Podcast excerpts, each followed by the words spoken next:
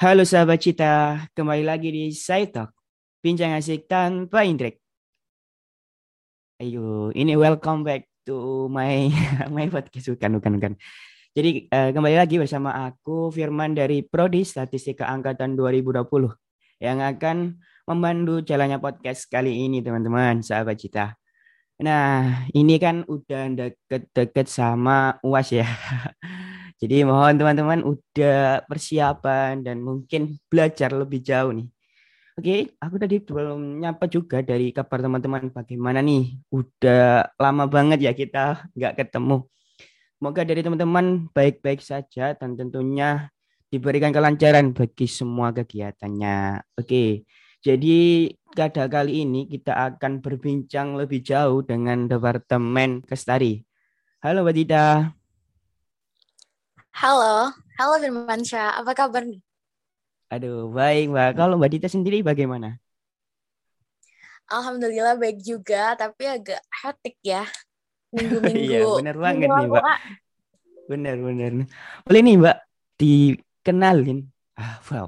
Boleh dikenalin. Ya, perkenalan dulu ke sahabat Cita. Bagaimana mungkin profilnya dan asalnya prodi gitu. Boleh banget nih Mbak. Oke, okay. iya. Halo sahabat kita, kenalin ya, saya Dita dari program studi S1 Matematika dari Biro Kestari. Vidi. Dan di sini saya juga nggak sendiri loh, bareng sama Firman. iya, Pak. Tentunya saya di sini harus pasti bareng-bareng terus nih. Oke, BTW pada podcast kali ini kira-kira kita mau bahas seperti apa nih, Mbak? Bahasanya gitu. Wah, Fir, di sini tuh podcast di episode ini nih, kita bakal bahas seru nih, yaitu tentang knowledge sharing, how to be successful by being yourself, yaitu bagaimana menjadi sukses dengan menjadi diri sendiri, gitu. Waduh, aku juga pengen sukses nih, Mbak. Waduh, sangat menarik ya, teman-teman. Jadi stay tune sampai kelar, karena ini pembahasannya sangat menarik how to be sukses. ini juga semua pasti pengen denger ini. Oke, jadi gak usah lama-lama lagi aku serahin ke Mbak Dita terkait alur dan bisa di uh, kulik lebih dalam tentang how to be sukses nih. Oke, semangat Mbak Dita. Terima kasih Firmansyah. Oke, di sini kita akan kenal sharing ya bagaimana menjadi sukses dengan menjadi diri sendiri. Nah, di sini juga kita ada narasumber yang keren banget loh. Tahu nggak sih siapa? Mau spill nggak? Oke, di sini langsung aku kenalin aja ya narasumber kita kali ini yaitu Mas Arya Satya Raja Negara, dokter muda FK UNAR, SDU Dr. Sutomo. Halo Mas Arya, boleh sapa teman-teman dulu? Halo, halo Dita, halo teman-teman semuanya. Oh ya, selamat hari Minggu ya. Ini kebetulan kita uh, lagi di hari Minggu juga. Dan ya tentu meskipun hari ini weekend ya tapi alhamdulillah banget saya punya kesempatan buat uh, ngobrol-ngobrol santai uh, sembari sharing ya dengan teman-teman khususnya dari teman-teman FST ya ini ya. Dan alhamdulillah banget uh, diberikan kesempatan buat ngobrol-ngobrol dan sharing di sini. Semoga apa yang kita obrolin ini selama beberapa menit ke depan bisa ngasih manfaat ya, terutama buat para pendengar semuanya kayak gitu. Siap Mas Arya, keren banget deh narasumber kita kali ini. Oke, berbicara tentang knowledge sharing, how to be successful by being yourself, gitu banyak orang yang beranggapan percaya diri kerap menjadi penentu kesuksesan seseorang dalam karir ataupun bisnis atau kuliah gitu. Namun banyak orang pula yang tidak tahu gitu Mas, bagaimana membangun kepercayaan itu sendiri. Dan ini juga dilihat dari CV Mas Arya, banyak banget prestasi akademik maupun non-akademik, seperti aktif di organisasi, serta kegiatan lainnya. Apalagi kegiatan yang baru baru baru banget nih yang Mas Arya geluti saat ini boleh di spill juga ya nanti Mas Menurut Mas Arya, apa sih Mas definisi dari sukses itu sendiri? Serta apakah di setiap targetnya itu ada target tertentu yang harus dicapai gitu Mas?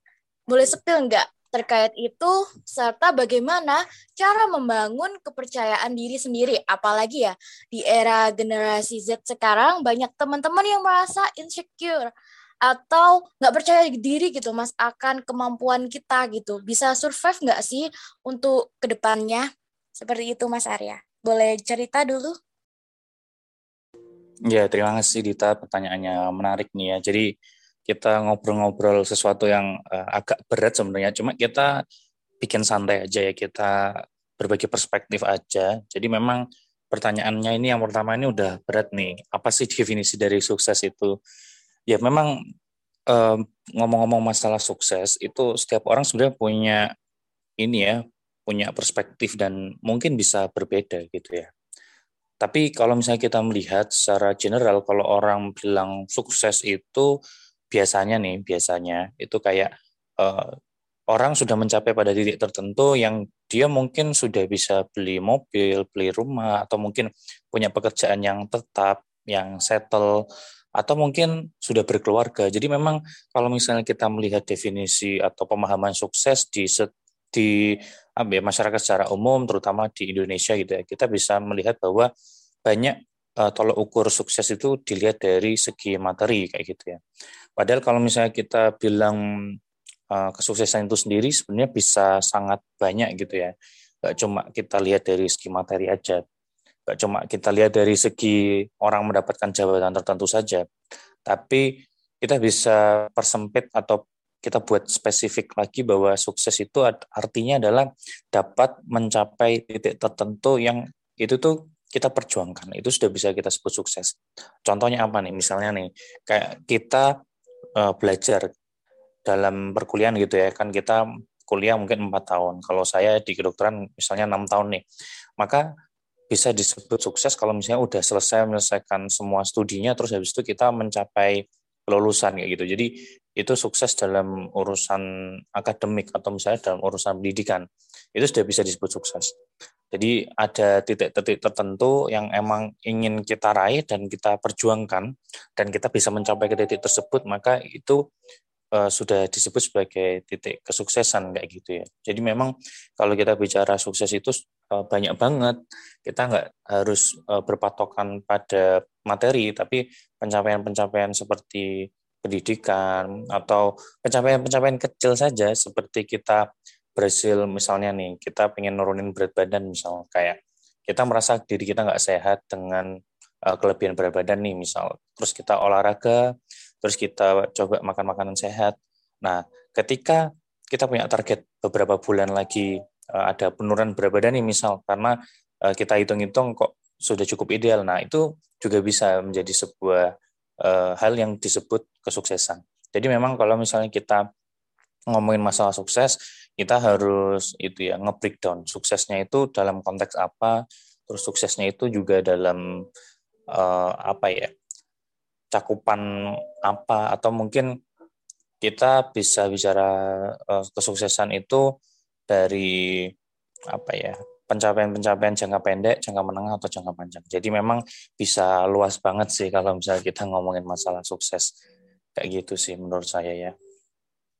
Terus tadi ada pertanyaan lanjutan nggak sih? Apa ya kira-kira boleh disebutin lagi dari Dita?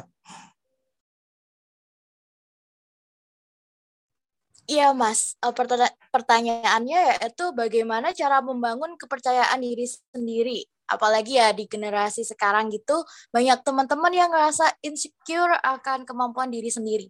Apakah bisa survive untuk ke depannya gitu Mas? Ya, ini menarik kalau misalnya kita bicara soal membangun kepercayaan diri. Uh, ada hubungannya dengan kesuksesan tentu ya. Kenapa? Karena memang orang yang punya kepercayaan diri baik itu kan dia akan lebih berani gitu ya kalau misalnya mau act atau ngelakuin sesuatu dan itu menjadi salah satu faktor orang mencapai apa yang dia impikan.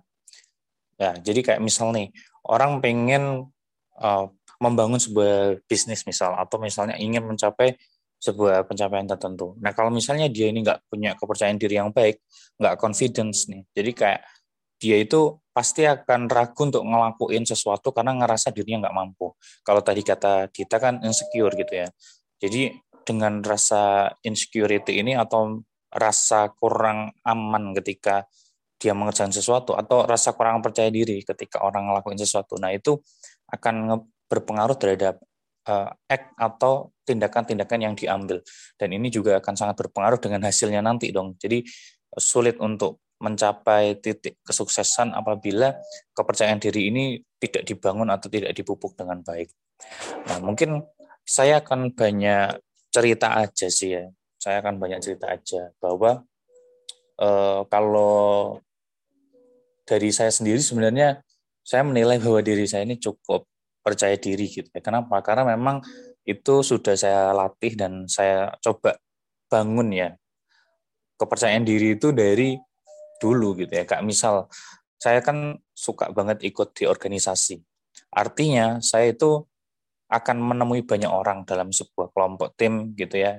Dan itu kan ngebuat saya jadi apa ya berlatih untuk bersosialisasi dengan orang lain, berlatih untuk uh, menunjukkan diri, menunjukkan kinerja di depan orang lain, dan itu sangat berpengaruh terhadap kepercayaan diri yang saya miliki sekarang.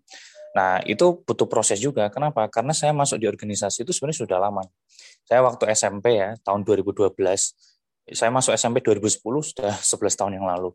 2012 itu saya kelas 8. Itu saya terpilih menjadi ketua OSIS waktu itu pertama kali banget saya ikut organisasi secara resmi ya dalam tingkatan sekolah dan itu benar-benar ngebuat saya punya kepercayaan diri lebih. Kenapa? Karena saya jadi banyak berkomunikasi dengan guru, dengan teman-teman dan di situ orang menilai bahwa oh saya ini mampu sehingga terbangunlah kepercayaan diri yang bagus di dalam diri saya. Dan itu tentu berproses lagi. Waktu SMP mencoba untuk ikut organisasi yang lain nih, terus habis itu mencoba untuk berani berkomunikasi dengan orang-orang yang mungkin jauh lebih tua dari kita, misalnya dengan kepala sekolah, atau mungkin dengan orang-orang dari luar sekolah kita dalam event-event tertentu. Jadi itu benar-benar ngelatih. Dan itu diperdalam waktu SMA, di kegiatan yang sama juga sih di organisasi, bahkan sampai kuliah kayak gini. Jadi memang membangun kepercayaan diri itu kalau bagi saya sendiri memang butuh proses dan butuh waktu. Salah satunya adalah dengan meningkatkan uh, ini ya komunikasi kita ke orang lain, meningkatkan pola bersosialisasi kita gitu ya, memperluas jejaring kayak gitu. Artinya kita itu uh, ketika sudah berani apa ya bersinggungan dengan orang lain, berkomunikasi itu rasanya lebih enak gitu ya. Kayak kita berhasil mencapai sesuatu terus orang menghargai usaha kita, nah itu akan membuat kita jadi lebih percaya diri. Nah, kalau ngomong-ngomong masalah insecure nih, eh, ngomong-ngomong masalah insecure, kalau menurut Dita, ini pengen tanya dulu nih, insecure itu yang kayak gimana sih? Uh, kalau menurut Dita ya, insecure kayak aku tuh nggak bisa survive gitu. Maksudnya kalah gitu sama temen-temen yang lain. Jadi kayak membanding-bandingkan gitu mas. Jadi rasa percaya diriku tuh turun gitu.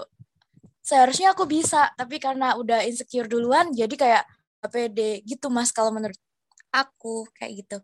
Kalau menurut mas Arya kayak gimana?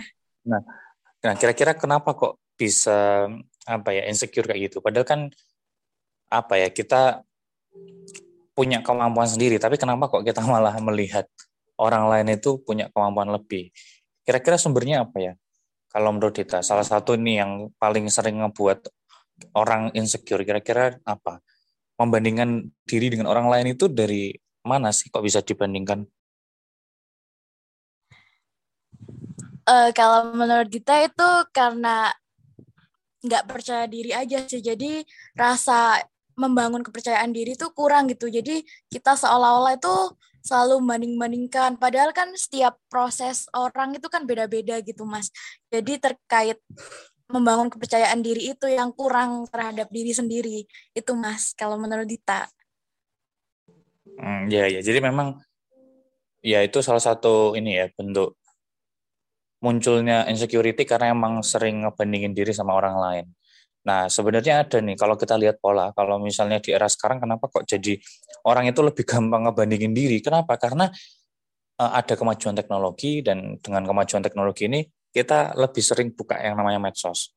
Nah itu ngaruh sih. Kenapa? Karena kalau misalnya nih kita scroll nih di terutama misalnya ke Instagram gitu kan kita ngelihat bahwa orang pasti akan menampilkan hal-hal yang uh, baik tentang dirinya gitu ya pencapaian-pencapaian dan itu terbentuk sebuah pola. Jadi ibaratnya itu orang itu disetir untuk ya udah menampilkan hal-hal baik dari dirinya gitu ya.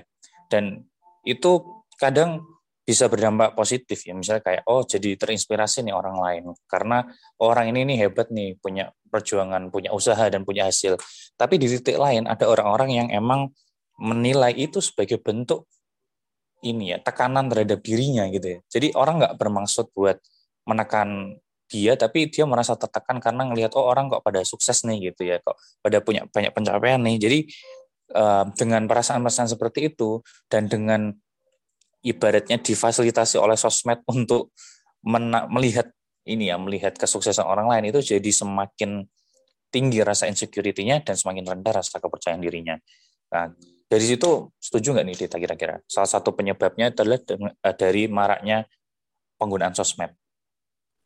Setuju banget Mas, dan itu kayak relate gitu loh, apalagi ya mahasiswa gitu ya, kan banyak banget penggunaan sosmed untuk tugas-tugas gitu. Kayak tugas-tugasnya tuh juga kan ya diupload melalui sosial media gitu.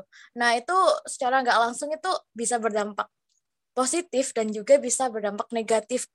Jelas banget kayak yang Mas Arya jelaskan tadi itu benar-benar sama gitu yang kayak Dita alami ataupun kadang teman-teman juga ngerasa kayak gitu. Gitu Mas Arya.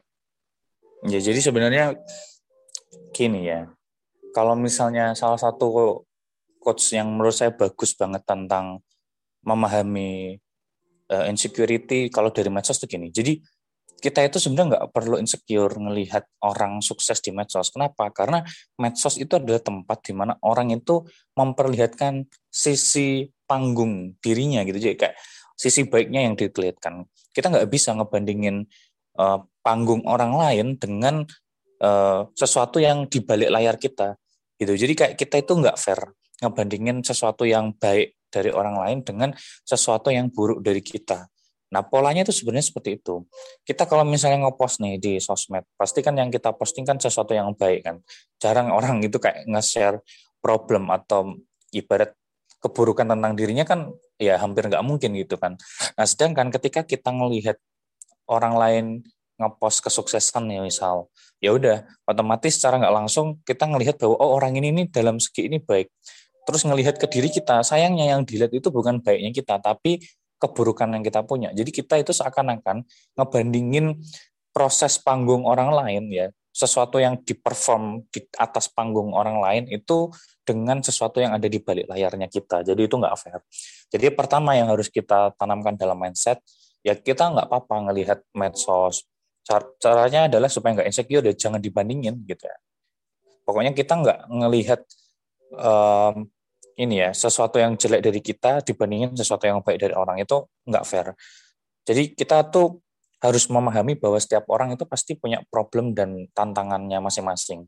Jadi dengan kita memahami hal seperti itu, maka kita ngelihat bahwa oh mungkin orang ini bisa sukses karena dia emang benar-benar struggle gitu ya, punya perjuangan yang tinggi. Jadi nggak bisa dibandingin dengan kita. Siapa tahu dalam prosesnya selama ini dia pernah mengalami kegagalan. Dia juga merasakan hal-hal buruk dan itu emang nggak dia post tapi ketika dia sudah sukses dia ngepost. Jadi nggak fair. Kita ngelihat bagusnya aja dibanding sama jeleknya kita. Kita nggak tahu bahwa orang itu punya sesuatu yang jelek juga yang buruk juga yang dia alami yang ngebuat dia gagal. Dan ketika dia gagal itu nggak mungkin dong dia ngepost sama kayak kita. Jadi eh, mindset pertama yang harus kita tanamin sih kalau menurut saya itu stop membandingkan diri sendiri dengan orang lain, apalagi kebaikan orang lain dibandingkan dengan keburukan kita. Itu pasti akan ngebuat kita makin insecure dan takut untuk ini ya, lebih membangun kepercayaan diri. Itu yang pertama. Nah, yang kedua. Nah, yang kedua itu kita harus punya yang namanya uh, eh, self esteem ya kalau saya bilang. Kita ini kadang kurang punya self awareness gitu ya. Nah, self awareness itu kemampuan diri kita untuk memahami diri sendiri. Jadi, wah ini menarik sih sebenarnya kalau dibahas bisa panjang. Tapi kita itu harus tahu bahwa ada uh, sisi dari diri kita yang nggak diketahui orang lain. Tapi kita tahu. Ada dari sisi kita yang kita dan orang lain itu tahu. Nah, ada juga sisi yang orang lain tahu tapi kita itu nggak sadar dan ada juga yang sesuatu yang orang lain dan kita itu nggak sadar gitu ya tentang kebiasaan atau tentang sikap kita.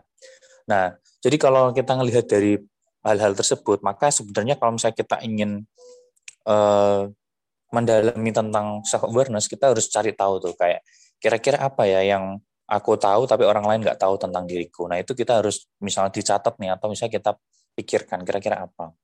Misalnya uh, aku ini ternyata jago uh, misalnya dalam hal seni nih misal, tapi orang lain tuh nggak tahu, nggak tahu kalau misalnya aku jago seni. Karena apa? Karena nggak pernah muncul di hadapan orang lain. Ya udah, mungkin dengan kita memahami, oh bahwa kita punya suatu bakat, ya nggak masalah. Itu ngebuat kita ngerasa lebih safe karena ya, oh ternyata selama ini aku tuh punya sesuatu yang bagus tapi orang lain nggak tahu. Jadi nggak masalah dengan hal itu. Karena apa? Karena kita kan uh, hidup itu sebenarnya nggak untuk impress orang lain ya, nggak untuk ngebuat orang lain emis ke kita gitu ya. Jadi dengan kita menyadari kita punya sesuatu yang positif aja harusnya ngebuat kita seneng gitu ya, ngebuat kita makin pede. Nah, terus habis itu kan tadi saya bilang ada sesuatu yang orang lain tahu dan kita tahu. Nah, itu harus dievaluasi. Kira-kira kita punya kelemahan apa? Nah, kira-kira dari kelemahan itu kita bisa ngelakuin apa sih supaya kelemahan itu tuh enggak semakin terlihat gitu ya, atau bisa dikurangi ya untuk kebaikan kita sih jadi kalau misalnya kita punya kelemahan misalnya nih kita orangnya kurang disiplin kita tahu bahwa kita nggak disiplin orang lain juga tahu kalau kita nggak disiplin. Nah hal kayak gitu kan ngebuat apa ya kita ngerasa sedih karena itu kan sebuah kekurangan yang orang lain lihat dari kita. Nah dengan kita mengetahui kalau kita punya kelemahan di situ nah kita bisa ngubah kebiasaan. Oh mungkin aku akan coba buat ini ya kegiatan-kegiatan aku lebih tertata, misalnya kayak bangun lebih pagi, misalnya berangkat rapat nggak telat, atau misalnya eh, kalau ada janji-janji gitu aku akan tepati, kalau bisa datang lebih awal. Jadi dengan mengidentifikasi apa-apa aja yang ada dalam diri kita itu ngebuat kita jadi tahu apa yang harus kita lakuin. Dan itu bisa ngebuat self esteem kita akan meningkat ya. Apa ya ibaratnya rasa menghargai diri sendiri itu akan lebih meningkat sehingga ngebuat kita makin pede dan juga insecurity kita bisa dikurangi. Karena kita yang ngerasa lebih pede tadi kayak kita udah mengetahui sisi baiknya kita terus kita bisa menekan hal-hal negatif dari diri kita. Nah hal-hal yang kayak gitulah yang bisa kita lakuin untuk yang ngebuat diri ini jadi lebih pede dan enggak insecure insecurean lagi. Jadi banyak sih. Dan semua itu sebenarnya tergantung mindset. Kayak tadi yang pertama ya medsos itu jangan digunakan untuk hal yang apa ya hal-hal untuk ngebandingin diri kita. Nggak nggak nggak fair terus yang kedua kita harus pahami bahwa orang lain juga punya kekurangan. Terlepas mereka ngepost hal-hal yang baiknya dia. Terus yang ketiga juga dari tadi yang saya bilang ya self esteem self awareness kita identifikasi apa kelebihan kita kekurangan kita. Kita coba ubah kalau itu kurang, kita coba syukuri kalau itu lebih. Jadi semua itu berhubungan dengan mindset. Dan kalau kita bicara mindset, kita harus melatih. Kita harus kayak ya udah kalau misalnya kita menemui situasi seperti itu ya kita kembalikan lagi ke mindset yang baik tadi sehingga kita itu ngerasa lebih safe, ngerasa lebih pede gitu sih. Ya itu ya agak panjang kita. Tapi kalau misalnya mau dibahas lebih lanjut sebenarnya bisa panjang lagi. Cuma ya itu sih yang saya bisa sampaikan untuk uh, menjawab pertanyaan kita nih. Siap Mas Arya. Jawabannya sangat relate dengan mahasiswa sekarang gitu Mas. Bener banget apa yang telah dijelaskan oleh Mas Arya. Bener nggak Firman Syah? Gimana nih Fir? Menurut kamu Fir? Ya bener banget nih Mbak. Jadi apa ya aku kayak tambah syukur sendiri ya kan dengerin dan itu belum aku terapin gitu Mbak. Jadi 24 jam eh 24 jam tiap hariku itu belum maksimal gitu. Mungkin aku sedikit nanya ya gitu ya Mbak ya ke Mas Arya dan mohon izin masuk Bagaimana sih eh, cara Mas Arya ya dalam berprogres ataupun survive survive ya enggaknya ya Mas? Sa eh, bisa sampai di titik ini kan pasti melalui banyak rintangan gitu kan. Karena jujur karena dari aku sendiri itu dari awal kita udah bangun mindset, kita udah semangat, kita udah termotivasi tapi kadang ke untuk ke konsisten itu sangat sulit gitu loh. dari Masnya sendiri seperti apa nih?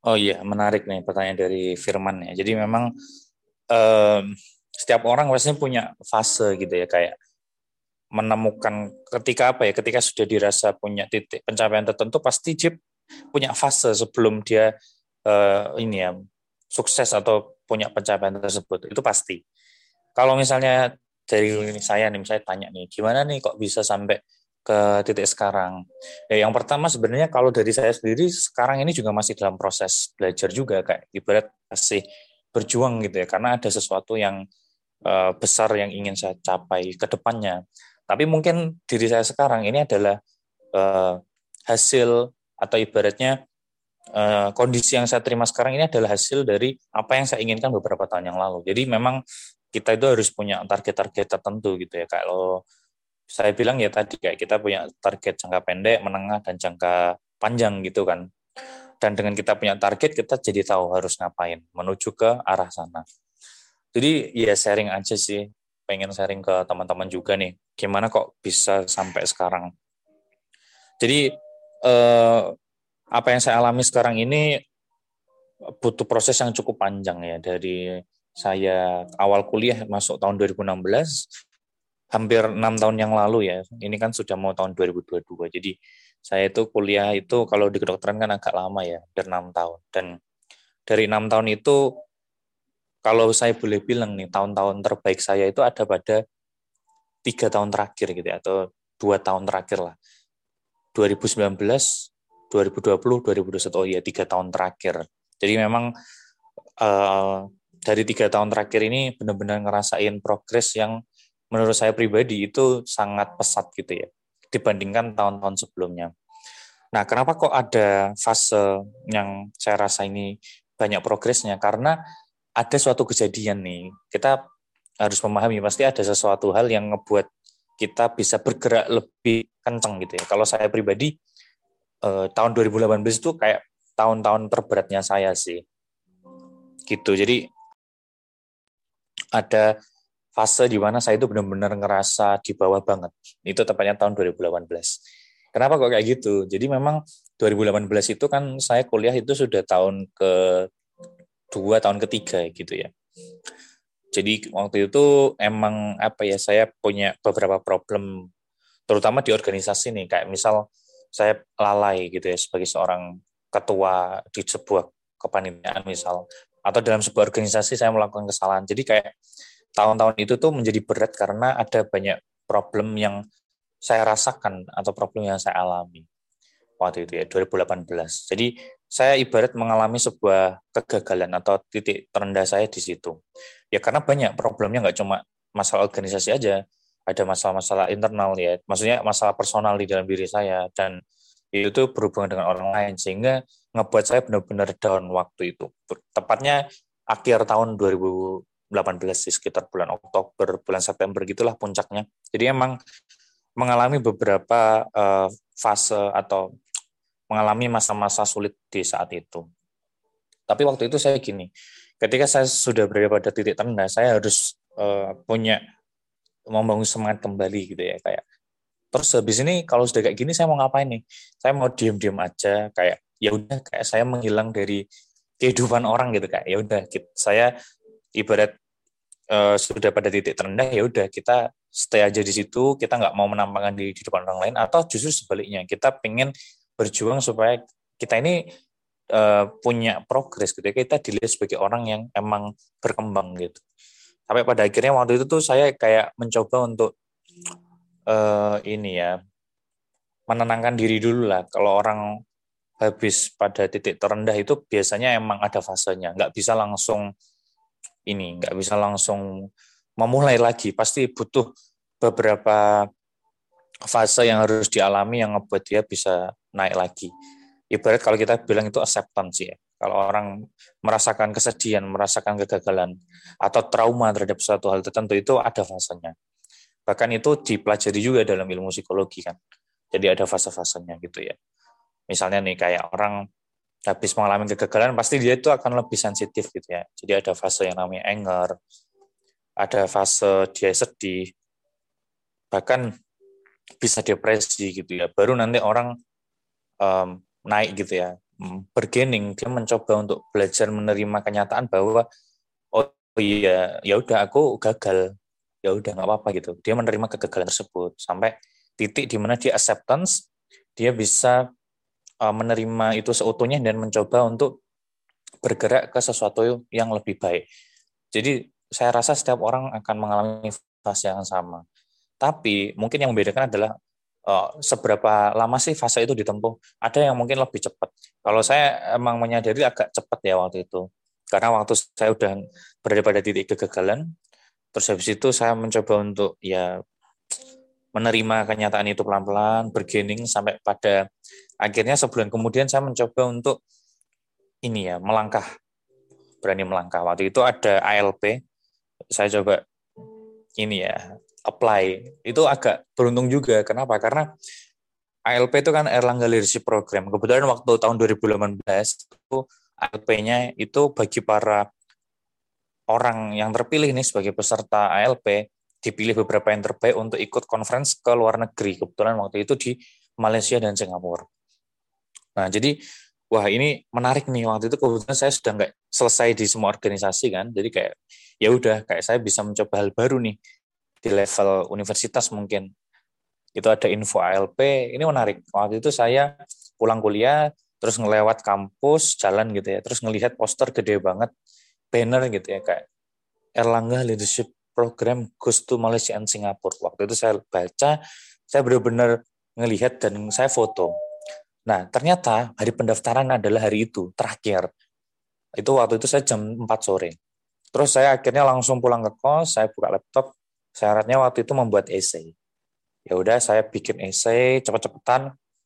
Pengumpulan terakhir itu jam 7 malam dan harus sudah dikumpulkan di sekretariat BEM UNER waktu itu. Ya udah saya bikin terus ya udah saya kumpulkan langsung ke sekre BEM UNER itu tepat jam 7 jadi udah mau penutupan gitu. terus karena waktu itu saya kan mikirnya iseng aja gitu ya kayak noting tulus lah kalau misalnya bisa lolos untuk tahap berikutnya ya nggak apa-apa kalau nggak lolos ya nggak apa-apa gitu kan coba-coba. Eh ternyata beneran beberapa hari kemudian diumumkan saya masuk 50 besar essay terbaik akhirnya ikut camp di Trawas selama dua hari sama 50 orang itu ya oke ikut camp dua hari terus habis itu ada wawancara direktorat kan ada fase-fasenya lah kayak kita bikin uh, wawancara bikin PPT sampai pada akhirnya beberapa saat kemudian diumumkan 14 nama terbaik yang bisa lolos untuk mewakili UNER dalam leadership conference di luar negeri itu. Ternyata ya alhamdulillah ketika saya ngecek peringkat saya nomor 4 waktu itu. Jadi uh, empat besar. Dan alhamdulillah saya akhirnya bisa berangkatkan beberapa bulan kemudian. Nah, saat saya diterima juga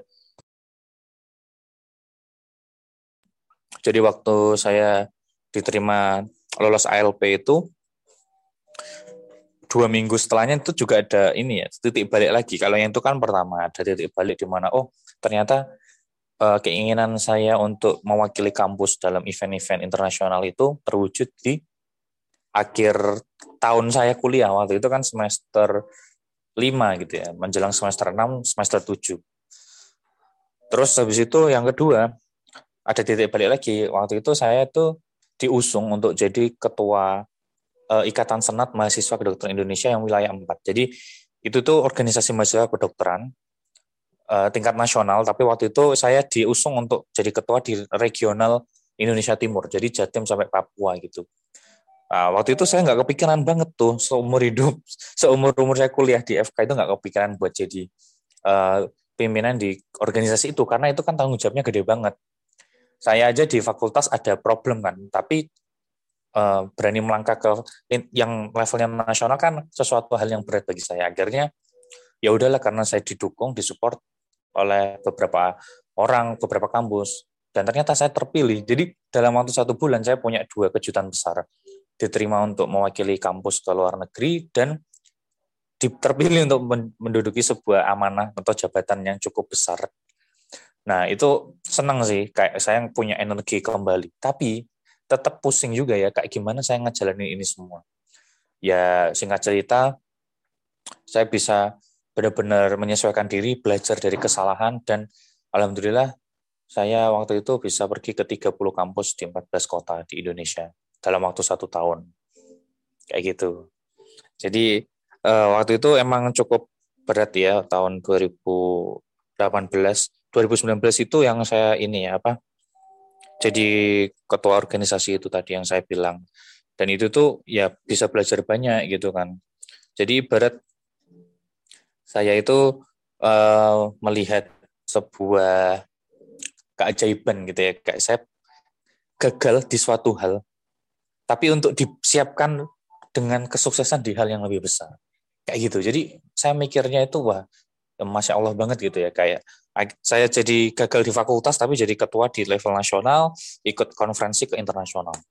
Dan itu tuh saya lakukan tanpa saya cuti jadi benar-benar saya itu kuliah sambil ngelakuin itu semua. Jadi setiap weekend itu saya pergi keluar kota keluar pulau. Jadi kayak eh, saya itu dalam satu tahun tuh sampai 40 penerbangan. Sampai eh, pergi ke mana-mana gitu kayak naik kereta naik bis. Jadi kayak benar-benar traveling sambil kuliah sambil skripsian. Jadi kayak dalam waktu satu tahun 2019 itu titik balik saya banget.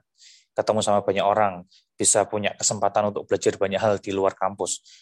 Terus dihargai sama kampus. Jadi waktu saya gagal itu kan ya orang pasti ibarat berpikir beberapa kelompok orang kan berpikir hal yang kurang baik tentang saya.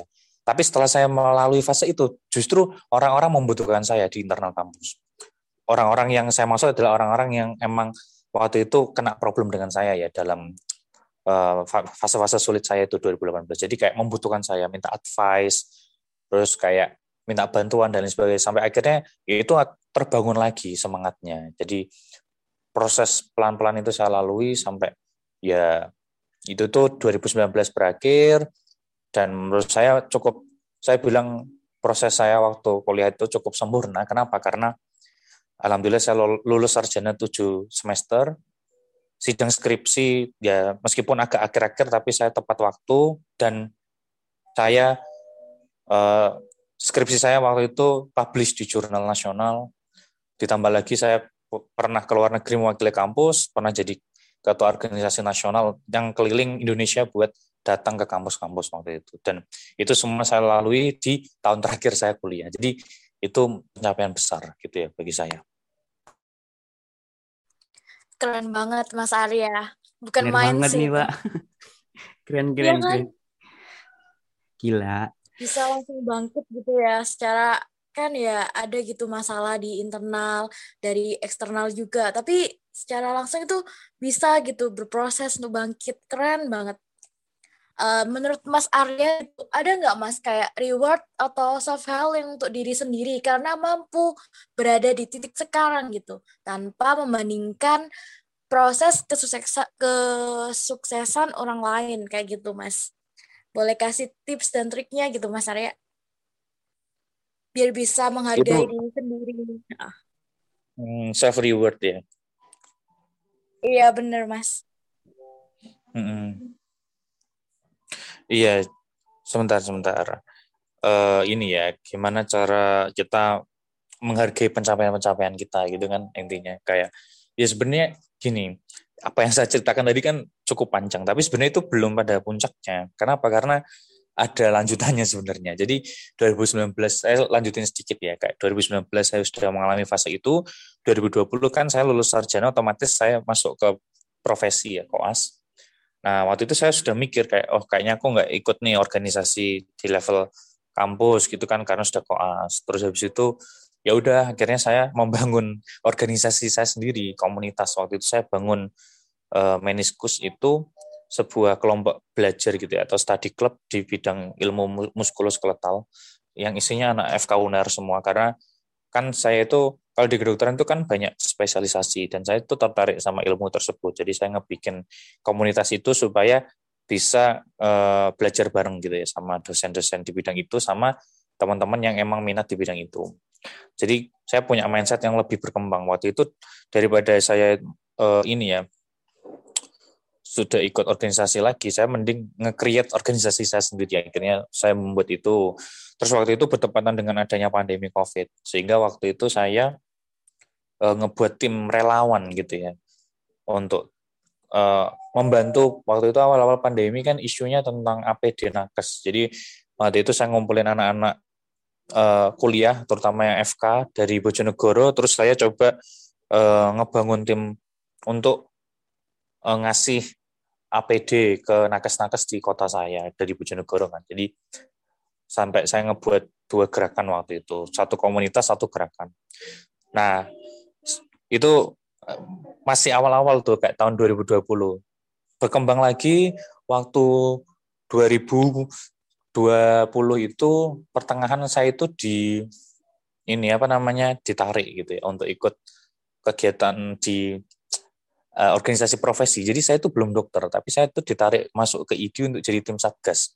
Yaitu karena relasi yang saya bangun waktu tahun sebelumnya. Jadi kayak saya masuk ke satgas sebagai satu-satunya orang yang belum dokter.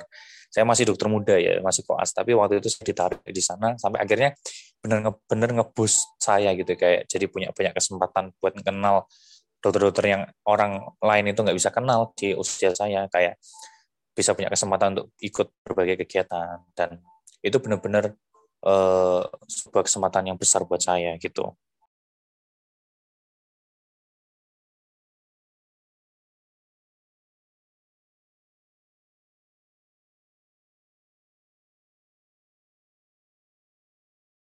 Oke mas, keren banget nih. Mungkin dari Mbak Tita gimana ini tanggapannya atau hmm. ada generasinya kayaknya mas?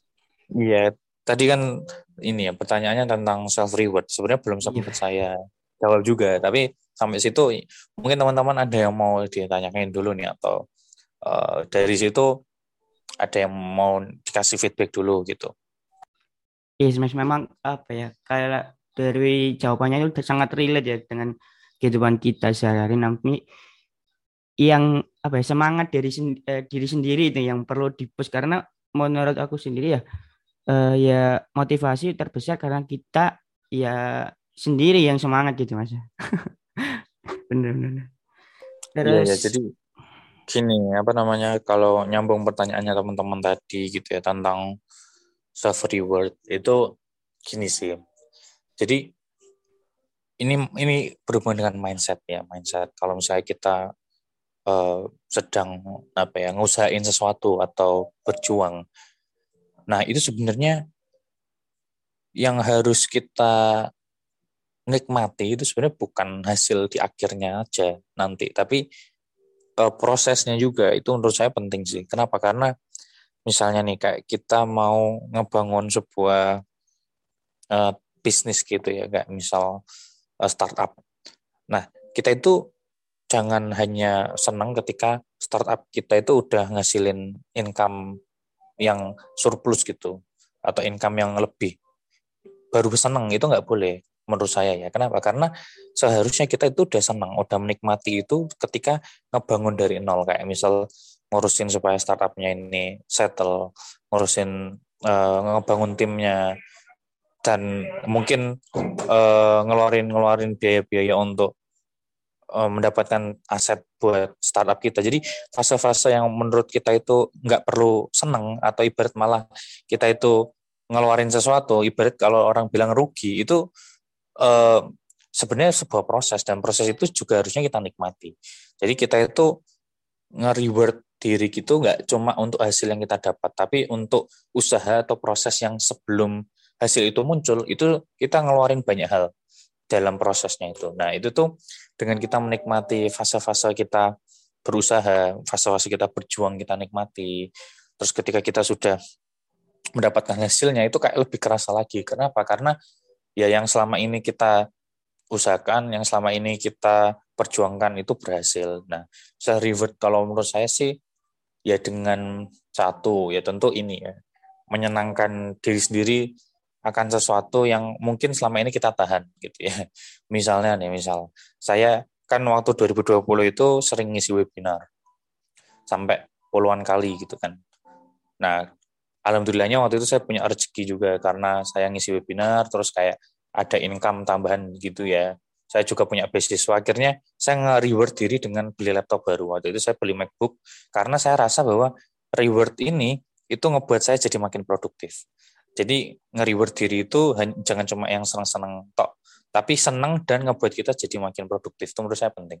Jadi kayak misal beli MacBook itu satu. Jadi ngingat kalau saya punya uh, pencapaian tertentu nih saat beli ini. Yang kedua, dengan adanya uh, laptop baru ini ngebuat saya makin produktif. Jadi webinar bisa makin bagus kualitasnya. Terus habis itu kerjaan-kerjaan lain yang ngebutuhkan apa ya, ngebutuhin laptop yang lebih proper itu jadi lebih enak dikerjanya, jadi lebih semangat buat belajar. Jadi nge-reward sesuatu itu bisa dengan barang, bisa dengan apa ya misalnya cuma hmm, rekreasi kayak gitu itu nggak apa-apa. Tapi sebisa mungkin kalau saya sih nge-rewardnya dengan uh, sesuatu yang emang benar-benar bisa ngasih produktivitas lebih buat saya. Ter, terlepas dari saya senang dari barang itu atau kegiatan itu. Kayak gitu sih kalau dari saya. Bener banget apa yang dikatakan Mas Arya. Jadi kayak nge-reward diri sendiri tuh perlu juga lebih untuk kita produktif ke depannya kayak gitu nggak aja. Betul, betul. Ya kayak, kayak gitu. Mas Tapi self reward tuh banyak sih jenisnya. Emang kayak yang saya bilang tadi rekreasi pun nggak apa-apa. Selama itu benar-benar ngebuat kita benar-benar happy gitu ya. Nggak apa-apa kan happy itu kan sebuah perasaan yang bagus dan ngebuat kita makin semangat gitu kan ngejalani hari-hari berikutnya. Atau mungkin makan enak gitu kan nggak apa-apa. Sesekali kan ngebuat kita jadi happy dan uh, semangat buat ngejalanin hari-hari berikutnya. Itu nggak masalah.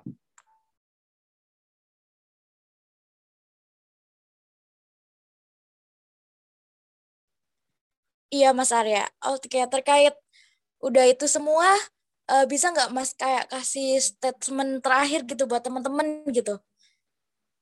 Closing gitu. Mm -mm. jadi sebenarnya banyak banget ya yang kita omongin pada pagi hari ini ya. Mulai dari kesuksesan itu seperti apa terus eh, bagaimana berjuang itu seperti apa sampai ke self reward itu eh, bahasan yang menurut saya itu sebenarnya kalau dibahas satu-satu itu bisa berjam-jam tapi kita coba merangkum ini hanya dalam beberapa menit aja. Jadi kayak mungkin teman-teman terlewat ter, ter, apa ya terlewat menangkap poin-poin penting apa aja sih yang sebenarnya kita uh, bisa rangkum pada sesi kali ini. Nah kalau menurut saya sih yang pertama ya yang pertama untuk merangkum bahwa uh, kita ini sebenarnya sebagai manusia itu kayak punya keunikan masing-masing. Ini tuh benar-benar sesuatu kalimat yang kesannya mungkin klise, tapi ini benar-benar nyata kok.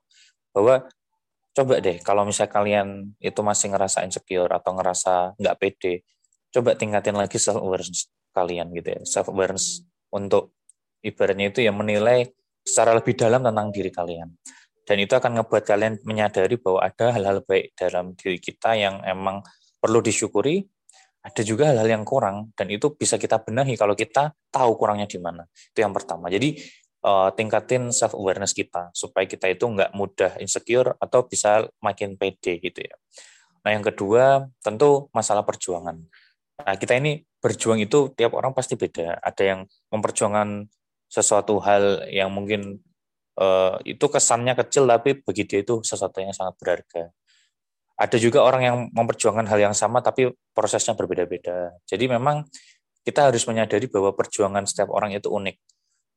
Bisa jadi saya kuliah lulus untuk mencapai gelar dokter sama-sama nih enam tahun, tapi proses yang dialami bisa sangat berbeda dengan teman saya yang lain. Jadi jangan pernah kita ngebandingin proses kita sama proses orang lain.